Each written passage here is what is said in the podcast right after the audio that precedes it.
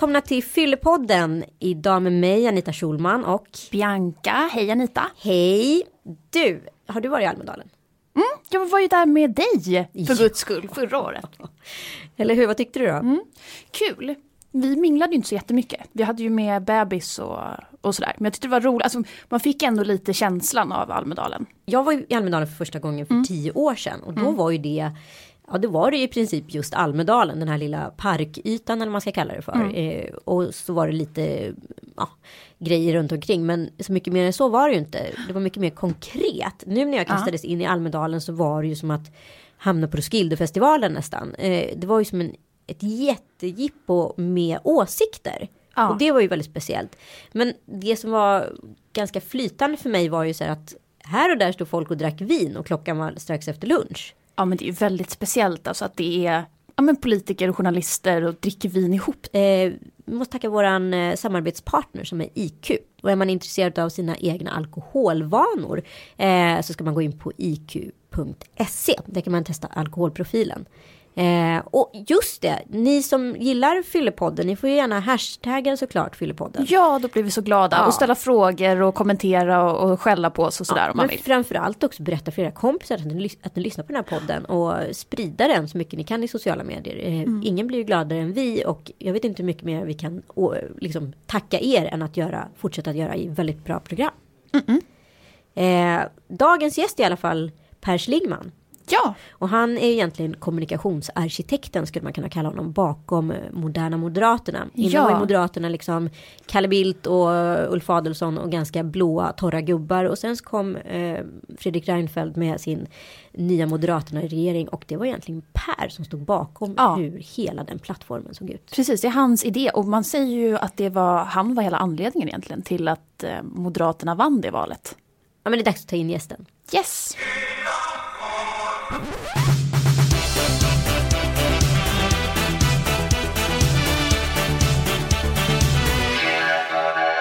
Per Schlingman, välkommen hit. Tackar. Vad tror du att Almedalen hade varit utan alkohol? Hade det varit liksom en lika attraktiv plats? Nej, det hade det nog inte varit. Därför att jag tror att eh, väldigt mycket av eh, det som människor tycker om med Almedalen det är liksom möten mellan människor. Mm. Eh, och det, alkohol är ju i den meningen ett ganska så här, integrerat del av möten mellan människor. Mm. Så att det hade antagligen inte varit samma sak. Nej. Hur tänker du själv när du är där? Brukar du försöka hålla dig så spiknykter eller kan du koppla av och ta ett glas vin ibland? Så Jag kan absolut eh, koppla av och ta ett glas vin. Jag tycker mm. det är mm. väldigt trevligt. Eh, det enda man ska tänka på är väl om man ska vara med i någon tidig morgonsoffa eller något sånt där mm. så får man ju ta hänsyn till det. Men nej, det tycker jag inte. Jag tycker att det är väldigt, det är väldigt roligt och det är en rolig del med Almedalen. Det märker jag ju efter det att jag har varit i Almedalen antingen för liksom ett politiskt parti eller för regeringskansliet sådär, när jag är lite mer fri nu, mm. så är det ju väldigt roligt och det är intressant att se. Det är ju som olika världar som möts på ett väldigt öppet sätt. Ja. Och där eh, tror jag säkert att alkoholen faktiskt bidrar till det. Aha, till... Till öppenhet. Aha, mm. okej. Och hur tycker för de som inte har varit på Almedalen, mm. hur ska man beskriva alkoholkulturen där tycker du? Är det helt okej att vara liksom märkbart berusad eller finns det någon sån vett och etikett som råder att ett glas är okej men men inte mer för då gör man bort sig. Nej, alltså, att vara märkbart berusad är väl kanske inte att rekommendera. Eh, även om det är det absolut för, ja, nej, men det är klart, det förekommer väl överallt. Mm. Så att, eh, alltså det finns, eh, man skulle kunna säga så här att, att eh, Almedalen är inte så konstigt egentligen. Det är bara att när det blir så i koncentrerad form, när det är 50 mingel per dag, mm. eh, så blir det väldigt tydligt. Men mingel pågår ju hela tiden överallt i städer som Stockholm, Göteborg, Malmö. Det är bara att de är lite mer utspridda, lite ja. mer sällan. Almedalen sker allting i ett kondensat, väldigt kraftfullt, allting på en vecka. Det är ju så spännande då, för det är ändå makten som möts. Ja, och, och det... dricka alkohol, det är ändå något speciellt med det tänker jag. Ja, alltså makten möts annars också dricker alkohol. Ja. Det är bara att det här sker mycket mer transparent och ja, öppet och andra får vara med också. Så i den delen tycker jag inte det alls är så komplicerat. Det som är lite roligt är just det att allting sker som ett kondensat. Jag brukar tänka på det själv ibland. när man eh, kommer hem efter Almedalen, man är helt slut. Och det är som man har levt ett kvartal på en vecka. Ja. För man träffar hela tiden människor man känner och man gör grejer på scen och man är med massa roliga tillfällen. Och lite liksom bakis också kanske. Ja, det beror ju på. Det, på, det mm. förekommer ju absolut säkert. Mm. Jag var i Almedalen för tio år mm. sedan och då var det betydligt mindre än vad det var när jag var där förra året. Eh, det har ju verkligen exploderat. Mm. Det kändes ju lite som att komma hem från en festival. Mm. Jag som var på Roskilde liksom 96-97. Mm. Eh, var, vad är det, varför är det viktigt att vara på Almedalen? Om du eh, är inom näringslivet eller om du är politiker.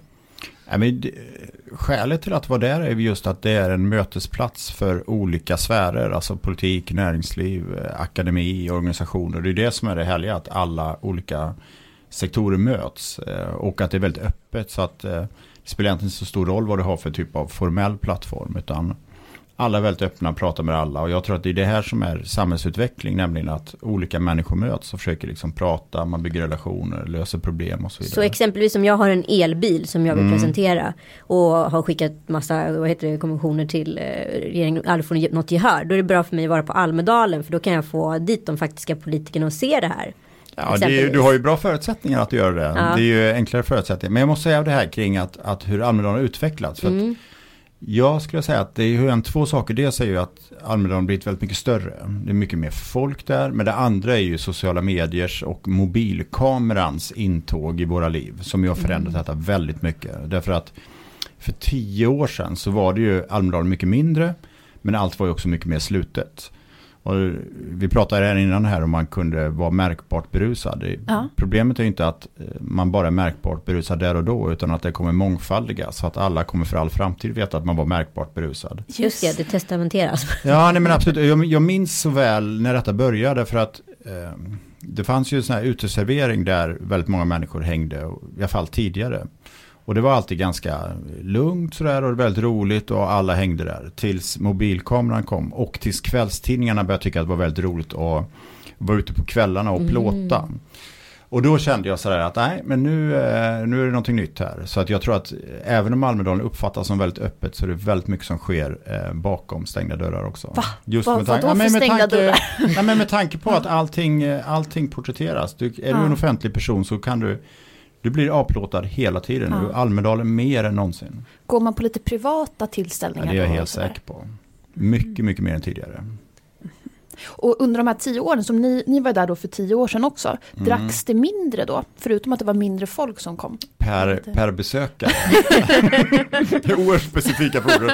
Ja, men min bedömning är att det dracks nog kanske ungefär lika mycket per besökare. Jag har faktiskt mm. väldigt svårt att bedöma om besökaren i sig. Men ja. totalt sett så klart det dricks väsentligt mycket mer. Det är en brutal ökning därför att antal besökare ja, ja, ökar. Mm. Men, eh, men sådär ren stämningen var ungefär densamma för tio år sedan. Det är inte så att man Alltså det går inte riktigt jämnt. För tio år sedan var så oerhört mycket mindre och mm. oerhört mycket mer kontrollerat. Och, så att säga, innan mobilkamerornas tid. Mm. Men du pratade lite att... innan när du kom hit att det var liksom eh, Vi pratar om eh, arbetstider. Mm. Vad som sker innan och efter den så kallade arbetstiden. Mm. Kan du inte dra den teorin lite? Det var lite Nej, spännande. Men, så här, ja, vi lever ju fortfarande i resten av industrisamhället. Och industrisamhället byggde väldigt mycket på att vi har eh, schemalagda arbetstider. För de allra flesta mellan 9 till 5 eller någonting sånt där. Och då, eh, det är då vi har bestämt oss för att då jobbar vi, då skapar vi värde. Och sen eh, har vi så att säga lämnat industrisamhället. Vi har ett kunskapssamhälle där väldigt mycket av innovationer, möten, affärer skapas via möten mellan människor. Och när människor ofta slumpmässigt möts, det är då värde skapas, det är då avtal sluts och så vidare. Och det sker ju alltid efter klockan fem. Mm. Och jag tror att Almedalen är lite intressant därför att då skapar man en sån här efter klockan fem-känsla, en sån miljö dygnet runt. Och ännu mer häftigt att man gör det på en plats en vecka om året. Mm. Det är som det här Burning Man, alltså i Arizona. Att man, man etablerar en plats, man bygger det som en ny verklighet en vecka om året. Och då är det bara efter klockan fem. det kanske är därför om... som det här med alkohol blir intressant. Mm. Även om jag också tycker att man dricker nog alkohol efter klockan fem. Men själva värdeskapandet sker ju egentligen hela tiden. Just det, Burning Man för de som inte vet är en mm. konstfestival. Där man inte handlar med pengar jag för mig, utan man handlar med Ja, alltså Tjänster, Burning eller? Man, är, man etablerar kan man säga en helt ny stad eh, i öknen en gång mm. om året. Eh, och all, det som är intressant med Burning Man är att all, jag har inte varit där själv ska jag säga, Nej. men jag är oerhört fascinerad av det. Ja, det är att alla är alla bidrar. Mm. Med installationer eller sig själva som konstnärligt uttryck och så vidare. Men det är just det häftiga att det uppstår en tillfällig plats. Mm. Eh, och det är ju Almedalen också. På något sätt är det en liveupplevelse som bara finns en gång om året. Just det. Jag som är lite så här eh, mingelrädd. Jag fick ju mer eller mindre lite panik när man liksom inte kan gå en meter på gatan utan att säga hej, hej, hej, hej, hej, hej. Mm. Ja men det är absolut, det, den mingelrädda, det är en utmaning för den. Det, den ska, absolut, den ska absolut. passa sig för nej, medaljen. Nej, tvärtom, man ska bara kasta sig ut. Ja, det är så. För att spegla sig i sina rädslor. Ja, mm. bra. Det, det fick man ju minst sagt göra. Men eh, tror, eh, som, jag vet inte, du kan inte, kanske inte svara som politiker nu, men, mm. men är det mycket liksom politiska beslut som tas under alkoholinfluenser? I All, först, först ska man nog säga så att det fattas nog ganska få politiska beslut i Almedalen. Utan Almedalen är ju en arena för opinionsbildning. Och jag ska mm. säga att när jag var där, antingen för Moderaterna eller när vi när jag jobbade på regeringskansliet, så var det här en vecka som alla andra. Den är ju väldigt, den är inte så speciell för politiken. Därför att politiken är ju bevakad året om alltid bevakad och i Almedalen lite extra. Den här veckan är ju framförallt speciell för alla andra som skapar där man skapar liksom ett rum för diskussion också med den politiska miljön. Så att nej, det skulle jag säga. Och det fattas väldigt få politiska beslut. Mm. Utan partierna Inga har, löften heller. Nej, men så här, partierna har sina egna dagar, planerat sedan lång tid i förväg. Eh, partierna upplever jag riskminimera väldigt mycket. Alltså det händer inte bara så att det är mobilkamerornas tid utan det är enormt mycket media. Eh, du bestämmer sig vad du vill säga, du åker in på din dag, säger det, sen drar du därifrån. Eh, så det är framförallt en dag för alla andra. Mm. Tycker, för du verkar väldigt entusiastisk till Almedalen. Finns det någonting som du är lite skeptisk till som du inte tycker är så bra? Nej, men alltså, jag är entusiastisk. Jag tycker att det, det är väldigt intressant det att man lyckas etablera en plats en avgränsad tid om året. Mm. Och sen lyckas man skapa den här attraktionen som samlar människor. Men alltså det som ju är eh, risken och negativt är väl dels att det blir för mycket jippo av det hela. Uh, och, Hur kan det vara negativt då menar du? Nej men alltså det är negativt därför att i grunden så det som är en förutsättning för att den här veckan ska funka tror jag det är liksom att partierna är där och att man i grunden diskuterar samhällsfrågor. Mm. Och vi lever ju en tid när vi kämpar om uppmärksamhet. Så det är klart att, att eh, det finns ju väldigt stort utrymme att göra jippon på olika sätt för att bara nå uppmärksamhet. Mm. Eh, man märker också hur eh, det är väldigt mycket påverkare och konsulter och lobbyister och så vidare. Eh, och jag tror att så länge man lyckas få liksom, politiken att stå i centrum, och så är det ju fortfarande, så är det väldigt bra. Men att det är, liksom, det är en balanspunkt. Att någonstans så kan det gå förlorat och till slut blir det bara ett jippo. Ja, det blir för och, oseriöst och spretigt. Ja, nej, men precis. Och, och som alla sådana här grejer, det kan man inte ta för givet. Alltså det är en sån här, eh, den här liksom magin som uppstår den här veckan skulle väldigt snabbt kunna förbytas i någonting annat. Så måste ah. hela tiden förtjäna och utveckla den här veckan och så vidare. Ah, vad tror du om Almedalen om tio år då? Nej men jag, så här. Eh, Kommer jag, det finnas kvar överhuvudtaget? Ja, i någon form tror jag. Eh, och jag tycker att hittills har man lyckats väldigt väl. Det, det som gör sådana här frågor som är utestående, dels är det det här kring eh, jippodimensionen och sådär. Sen har du hela säkerhetsdimensionen såklart. Alltså det är en, en eh, det är nog ett av de få länder i världen där man överhuvudtaget gör en sån här grej. Alltså där man samlar hela Sveriges politiska elit, statsråd, ÖB, företagsledare Eh, med den typen av bevakning finns ju egentligen inga metalldetektorer. Och, så det är klart att mm. det, det, är väldigt känsligt för eh, störningar mot detta. Mm. Och så länge hittills har det fungerat väldigt väl. Men det är klart att skulle säkerheten öka då skulle avståndet öka mellan beslutsfattare och de som är besökare. Och då förändras detta till någonting annat. Ja.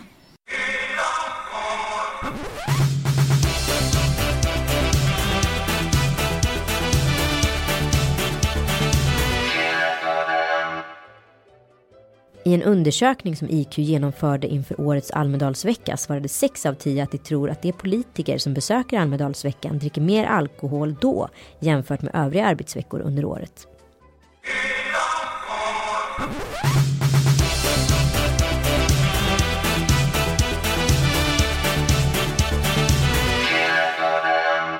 Men jag kan ibland sitta på Twitter eh, när det är exempelvis en fotbollsmatch. Mm. Eh, och då sitter ju folk och twittrar live mm. hela tiden om vad som händer i matchen och bara sänder ut, sänder mm. ut, sänder ut.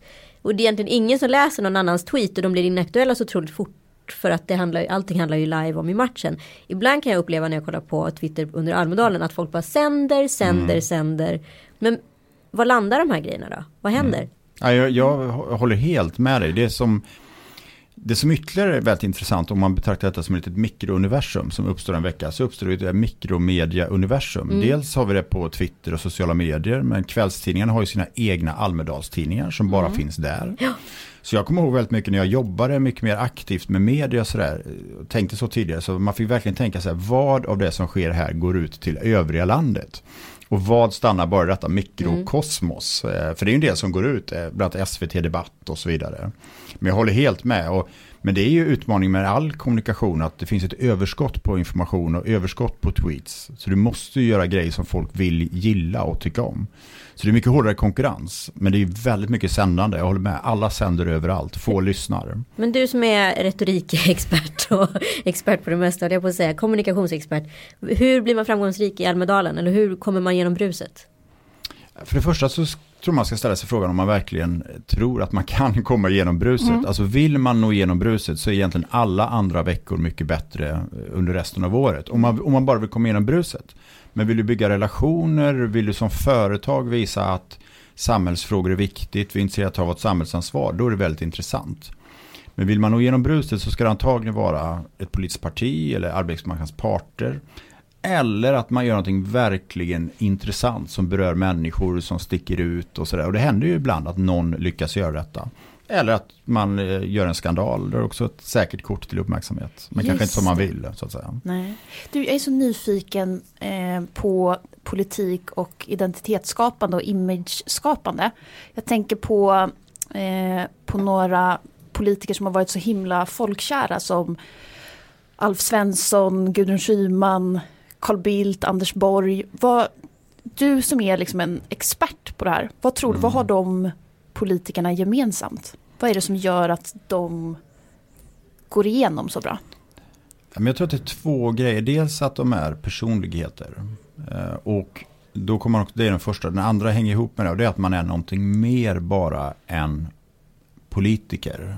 Ah. Alltså man har, någonting, man har någonting personligt. Och jag tycker att det här mänskligt? Eller? Absolut. Ah. Och någonting som, för människor är i grunden intresserade av andra människor. Vi älskar andra människor. Vi är väldigt mm. ointresserade i grund och botten av varumärken, företag och partier. Men vi är väldigt intresserade av andra människor. Mm.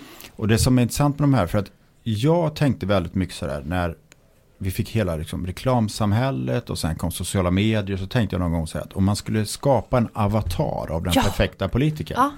Då tänkte jag då blir det någon sån här, det blir en ganska ung kvinna med karisma och lyskraft och sådär med fantastisk retorisk och verbal. Mm. Och sen funderar jag på, okej, okay, men vilka är det då som har blivit framgångsrika? Så är det så här, Alf Svensson, Carl Bildt, Gudrun Schyman och sådär. Ja. Och tänkte jag så här, men det, och, det, och grejen är att det har tagit ganska lång tid för alla de här. Det var inte så att Carl mm. Bildt var folkkär när han började, han var ju dess raka motsats. Han var hatad alltså? Ja, han var ju framförallt uppfattad som väldigt perifer och väldigt speciell och väldigt, eh, kanske att han visste lite bättre än alla andra och sådär. Ja. Men över tid, det är det som händer. Alltså över tid etablerat, därför att man är äkta, genuin. Jag tror konsekvent. Att, ja, konsekvent. Jag tror att den, av de du nämnt här, så det är nästan Gudrun Schyman är det bästa exemplet. För det är ingen som mm. betvivlar hennes engagemang. Nej. Äktheten i det hon säger. Ja. Uh, och det tror jag är liksom utmaningen här. att i en tid när allt går mycket snabbare med sociala medier så är det uppenbarligen så att liksom långsiktighet och uthållighet och att vara sig själv eh, löna sig. Man etablerar sig som en person som man kan lita på. Men samtidigt, jag tänker Juholt var ju verkligen sig själv. Medan ja. Stefan Löfven känns ju liksom lite mm. mera lågmäld. Inte, ah. så, inte lika karismatisk. Ja. Hur går det, alltså, det känns också som att Sverige kanske vill ha samtidigt politiker som, som inte är så färgstarka. Eller vad? Nu är vi inne på, det är två helt olika frågor. Ja, men det, absolut, det ena är så här, vad skapar färgstarka personligheter? Mm. Det andra är hur vinner man val? Ja. Det tror jag är två, två helt ah. olika grejer. Därför att det vi också vill ha, ibland brukar man, eh, vi brukar alltid skämta om det sådär när folk ringde in efter tv-debatter och sådär så var det antingen för att man log för lite eller att man är fel på slipsen och sånt där. Ja, just det. Eh, och, men om det vore så att den roligaste politikern vore mest framgångsrik så skulle vi ha helt andra politiker. Alltså, eh, politik handlar ju om att hantera både liksom positiva tider, jobbiga tider, katastrofer, eh, jobbiga lägen och sådär. Man vill ha människor man kan lita på. Ja. Med kompetens över tid och så vidare. Så att, men sen så tror jag att vi lever i en tid när personligheter får spela en allt viktigare roll, alltså personifierar politik och så att man kan inte helt liksom, avstå från den sidan. Nej. Men jag tror att, att vi, det är lite olika, om man tar den nationella nivån som exempel statsminister så vill, så vill vi känna oss ganska trygga med en sån person. En person man kan lita på, hantera ja. svåra lägen. Men om man jämför med exempelvis det som jag tror kommer väldigt mycket, typ borgmästaren i Stockholm. Mm -hmm. Det tror jag vi skulle vilja se en helt annan person. Mycket mer karismatisk, visionär, experimentell och så vidare. Därför att det tror ah, jag cool. sker att vi får en typ av politiker som handlar om att ta ansvar mm. i en mm. global värld. Men sen så måste vi se till att våra städer konkurrerar med andra städer. Mm. Och där kommer vi behöva se mycket mer av. Liksom, eh, och där har vi ju Boris Johnson i London, alltså människor som vågar. Mm. Men den, de skulle aldrig funka, du skulle aldrig kunna byta ut de här. Utan, Nej just det, de kan inte byta mm, plats. För nej, det är helt fel. Nej, jag tror att det är väldigt fel faktiskt. Men det är lite, lite amerikansk modell. Mm. Men, ja. Mm. men eh, om du, nu gjorde du ett jättejobb för eh, Moderaterna. Mm. Om du hade jobbat för vänstern, hur hade du jobbat då? Nej, men då? Så här hade jag tänkt då att i det stora då kan man säga att människors syn på liksom, borgerligheten och vänstern är att man borgerligheten har man ett ganska högt förtroende när det gäller det här att skapa tillväxt, jobb, företagsklimat och så vidare. Men däremot så är man mer skeptisk till borgerlighetens om man verkligen bryr sig och rättvisa och sådär. Ja. Och vänstern har ju dess motsats, väldigt hög trovärdighet i jämlikhet, rättvisa, de svaga, men lågt förtroende i liksom, att skapa jobb och tillväxt och sådär. Så att jag skulle tänka så här att låt oss ta tillvara på det förtroende vi har när det gäller att vi är rättvisa. Men bygger på det med mycket mer av liksom rationalitet och ekonomer ja. och så. Så skulle jag tänka. Mm. Smart. Man måste komplettera sina egna svagheter. Och det var väl det som gjorde att Juholt föll lite grann. Han var ju stenhård på rättvisa ja. barnfattigdom. Ja. Men han var inte tillräckligt, eller lyckades inte uppfattas tillräckligt kompetent när det gäller ekonomi och jobben och sådär. Men det här är ju så spännande. Men jag, jag förstår ju hur man kan applicera det här på partier och mm. företag. Men går det att applicera det här på sig själv? Liksom på sitt personliga varumärke. Om man känner sig då som Moderaterna innan Per Schlingman och vill, ja, vill bli som... Så här, jag, jag är... Vad jag, ligger i tiden ja, men jag, jag, jag är också vice ordförande i SOS Barnbyar. Ah. Och vi har ju ibland så armband man kan köpa för att visa omvärlden. Eh, och det finns fackcancer och mm. många sådana här. Och jag har länge fascinerats över eh, hur snabbt eh, man idag egentligen ser alla bära den här typen av attribut. Mm. Ja. Som en gammal rock-t-shirt. Ja, fast inte bara gammal rock, utan det är också ett sätt för mig att signalera att jag bryr mig. Mm. Och jag tror att det som händer i när den här transparensen och öppenheten, det är att det som vi har tidigare skilt mellan att vi agerar i vårt egenintresse, egoism, och sen att agera för andra. Problemet med transparens är att så fort du agerar bara för dig själv så märks det och det är väldigt ofräscht. Och trovärdighet och cred om man kallar det för det vinner man genom att agera i, för andra. Och det är ett sätt att signalera detta. Mm. Så att det är samma sak om man eh, liksom ser till sig själv och sitt eget ja. personliga varumärke om man nu vill göra det. Så är det klart att människor har en perception av dig som är du kompetent eller inte. Och den andra de har, bryr du dig eller inte? Agerar du bara, går du över lik eller omfattar du, bryr dig om andra människor också? Mm. De två parametrarna kan man också se hur man själv både agerar och tänker men också hur man uppfattas. När blev det här så viktigt? Det här med empati och, och solidaritet? Jag, här, jag tror att det alltid har varit viktigt därför att jag tror att vi människor är samhällsengagerade. Men när internet kom och mm. återigen mobilkamerorna det blir så direkt uppenbart eh, om man bara agerar i sitt egna intresse. Mm. Och det här att gå över lik, det är väldigt intressant här, ordspråk. Ja. Det är få saker som har så låg status. Ja. Som att sätta sig själv före andra. Mm. Eh, och nu syns det. Och vi gillar människor som gör saker och ting som också inkluderar och som gör livet bättre för andra. Mm. Finns det något mer förutom den aspekten? Nej, men så här, jag tror att så här, all, varje gång man funderar över om det är en person, om det är du eller om det är ett företag eller en förening eller vad som helst. Så tänker ju man alltid framåt. Man, man har ju sin egen idé, referensbild i hjärnan. Och varje gång man fattar ett beslut, man köper ett tuggummi, tar ett nytt jobb, skaffar en ny partner så gör man alltid det. Därför att det handlar om min egen framtid. Mm. Och det är klart att det man själv måste fundera på som varumärke det är hur, hur kan jag parkera mig in i människors bild av framtiden och inte bara nuet. Och det tror jag är det viktiga, att alltså fundera på vad finns det för symbolik, för bilder som människor har om framtiden och hur kan jag bli en del av detta. Men gud vad spännande. Vad, är det för, vad har vi för symbolik och bilder om, om men framtiden? Jag, för jag, jag har precis skrivit klart en ny bok som kommer i höst. Ja, och där har jag ett kapitel som heter att man måste flytta in i framtiden trots att man inte vet någonting om framtiden. Ah. Och det som var, för jag, jag tror väldigt mycket det är så att vi vet väldigt mycket om nuet, men vi vet ingenting om framtiden. Ändå så är det så att vi upplever att olika människor och olika företag är olika framtidsinriktade. Ja. Och vad beror det på? Och ta ett företag som Google. De, vi ans, de allra flesta anser att det är ett väldigt framtidsinriktat företag. Ja. Och, sen, och det beror på massa saker, men det beror bland annat på att de har olika symboler, typ Google-glasögon. De har en, eh, att man får, om man har en idé så får man vara ledig en dag i veckan för att utveckla idén. De har massa olika delar som, blir, som passar väl in i människors bild av framtiden. Och det tror jag man ska fundera på. Eh, så, ett Almedalsexempel då. Ja. För, förra året så satt jag och var med i Aftonbladet TV. Så kommer det fram en tjej som har på sig en Twitterklänning. Jag vet inte om du kommer ihåg den? Nej, Ida Östensson, hon startar Crossing Borders. Eh, otroligt kreativ person. Men då har de alltså gjort en Twitterklänning. Eller det var en klänning, så hade de, hade de så här diodlampor eller vad heter. Så att de hade ett Twitterflöde där de lät unga människor twittra in hur de såg på världen. Och sen så syntes det här flödet på hennes klänning. Nej, Gud, så hon gick in på så här seminarier och bara ställde sig där och så fick unga människor twittra genom hennes klänning. Det otroligt. Ja. Ja, och, det, och, det, och det som är intressant med det, dels var det ju väldigt häftigt och roligt och bra. Mm. Men det blev också så där att jag kände direkt så här, fan, det är en framtidsinriktad person som ja. tänker på Genom att göra det som ligger längst i framtiden idag så uppfattar vi också henne som väldigt framtidsinriktad. Ja. Så jag tror att det här framtidsperspektivet är väldigt viktigt. Därför att vi människor är sådana att vi gärna pratar om historien eller nuet. Därför att det är någonting vi vet någonting om. Framtiden är jättejobbig, vi vet ingenting. Mm.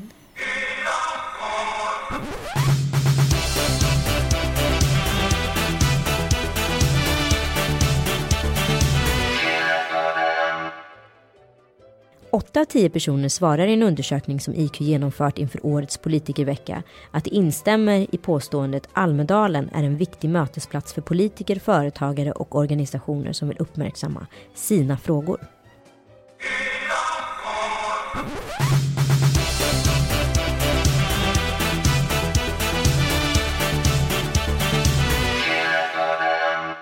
Jag tänkte på eh, några som har lyckats med sin kommunikation ganska bra. För jag kommer lite långt från ämnet. Men ändå, mm. nu är vi ändå mm. inne på det. är ju Kardashians. Jag läste mm. deras kommunikationsstrategi mm. lite grann och jag tycker det är superspännande för de har ju verkligen ett väldigt välutvecklat tänk med den här tv-serien. Och där så det, det sammanfattande ordet var authentic hela tiden. Och det är väl lite mm. där vi är nu. Du har ju hållit en del kommunikationsseminarium mm. eh, som jag varit på och eh, det pratar ju verkligen om det, att det ska finnas en, en mm. person, en verklighet, en känsla liksom.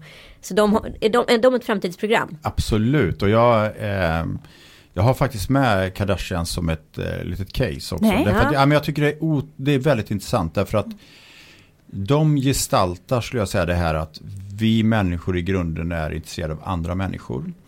Och de liksom visar också att det behöver inte bara vara yta och enkelt utan också en förmåga att skapa liksom, relevant innehåll, eh, att kommersialisera och så vidare. Och jag kommer inte ihåg nu exakt men jag såg någon siffra på av de tio mest följda Instagram-kontona. Så jag för mig att Kardashians var på fler än hälften. Ja. Mm. Så otroligt duktiga på, på, liksom, på det här att skapa relationer. Eh, så att eh, de är definitivt det skulle jag säga. Och mm. att, att Sen har ju de utmaningen då att vi, återigen det här mellan 9 till 5, alltså vi har en bild av vad som är viktigt och oviktigt, vad som är hög trovärdighet och låg trovärdighet. Att driva en bank har hög trovärdighet, att göra ett nöjesprogram har låg trovärdighet. Men jag tror att det är inte så längre, utan mm. allting flyter ihop. Så att, mm. Eh, och jag, tittar man var i Sverige så hittar man väldigt många duktiga eh, som Clara Henry eller Lisa Jonsson. Alltså, det som är häftigt tycker jag med de här nya berättarna, det är att nu har vi en total konkurrens. Total fri konkurrens där alla är sin egen tv-station kan man säga. Ja. Och nu ser vi ju direkt vilka som lyckas och inte lyckas. Så att vi har ju facit i någon mening just nu. Just nu lyckas de här, Lisa Jonsson ha fler än 300 000 som följer henne. Och vad gör hon? Mm. Kardashians just nu. Imorgon kan det vara någonting helt annat. Men vi har aldrig haft facit. Du vet, vi har ju behövt en hel stat innan för att göra en tv-kanal. BBC mm. eller SVT. Nu har var och en detta. Och vi ser direkt vem som lyckas och inte. Så att vi har liksom svaret i realtid här och nu. Mm. Du har en ny bok, mm. Urban Express. Mm. Finns något väldigt spännande begrepp där som heter vild kunskap mm. som jag är så nyfiken på. Kan du inte förklara lite vad det är? Jag kan försöka. Mm. Så här, eh, vi lever i en tid när allting som digitaliseras kan ju kopieras och mångfaldigas. Och så det gäller också kunskap. Eh, och det innebär att all kunskap blir plötsligt tillgänglig för alla. Allting som kan omvandlas i bokstäver eller ettor och nollor. Eh, alla kan ta del av föreläsningar på Harvard och allt sånt där. Så å ena sidan kan man säga att samhället blir mer komplicerat så högre utbildning blir viktigare. Men det är inte riktigt tillräckligt. Utan, och det som händer nu är att en ny kunskap eller en kunskap som egentligen alltid har funnits blir viktigare. Och forskning brukar ibland kalla det för tyst kunskap. Vi kallar det för vild. Alltså det är kunskapen som inte kan omvandlas till ettor nollor till bokstäver. Om man vänder på det så kan man säga att vi kan alla mer än vi kan säga att vi kan. Mm.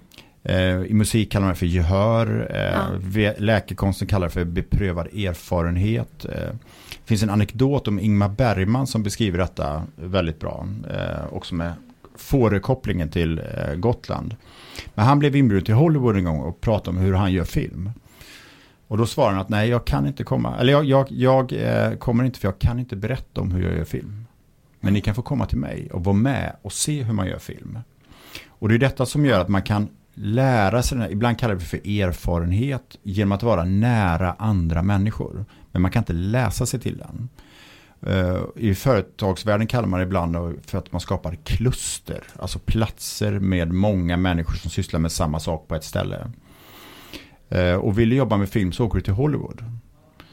Eh, eller kanske Trollywood om det är i Sverige. Du måste vara nära andra människor. Och det intressanta i den här digitaliseringen är att när det gäller kunskap så ökar värdet på vild kunskap. Och det är samma sak när det gäller allt som kan digitaliseras. Det kan också kopieras. Så att det som inte kan digitaliseras ökar i värde. Så en otroligt paradoxal värld. Att allt, vi försöker liksom tvinga ner allt i ettor och nollor. Mm. Men så fort du har gjort det så tappar det värde. Musik, vi är inte beredda att betala så mycket för att lyssna på musik. Nej. Men däremot är vi beredda att betala väldigt mycket för konserter. Det kan vi ta mer och mer ja. betalt för. Det är en liveupplevelse som bara där, är då, där och då. Mm. Just det.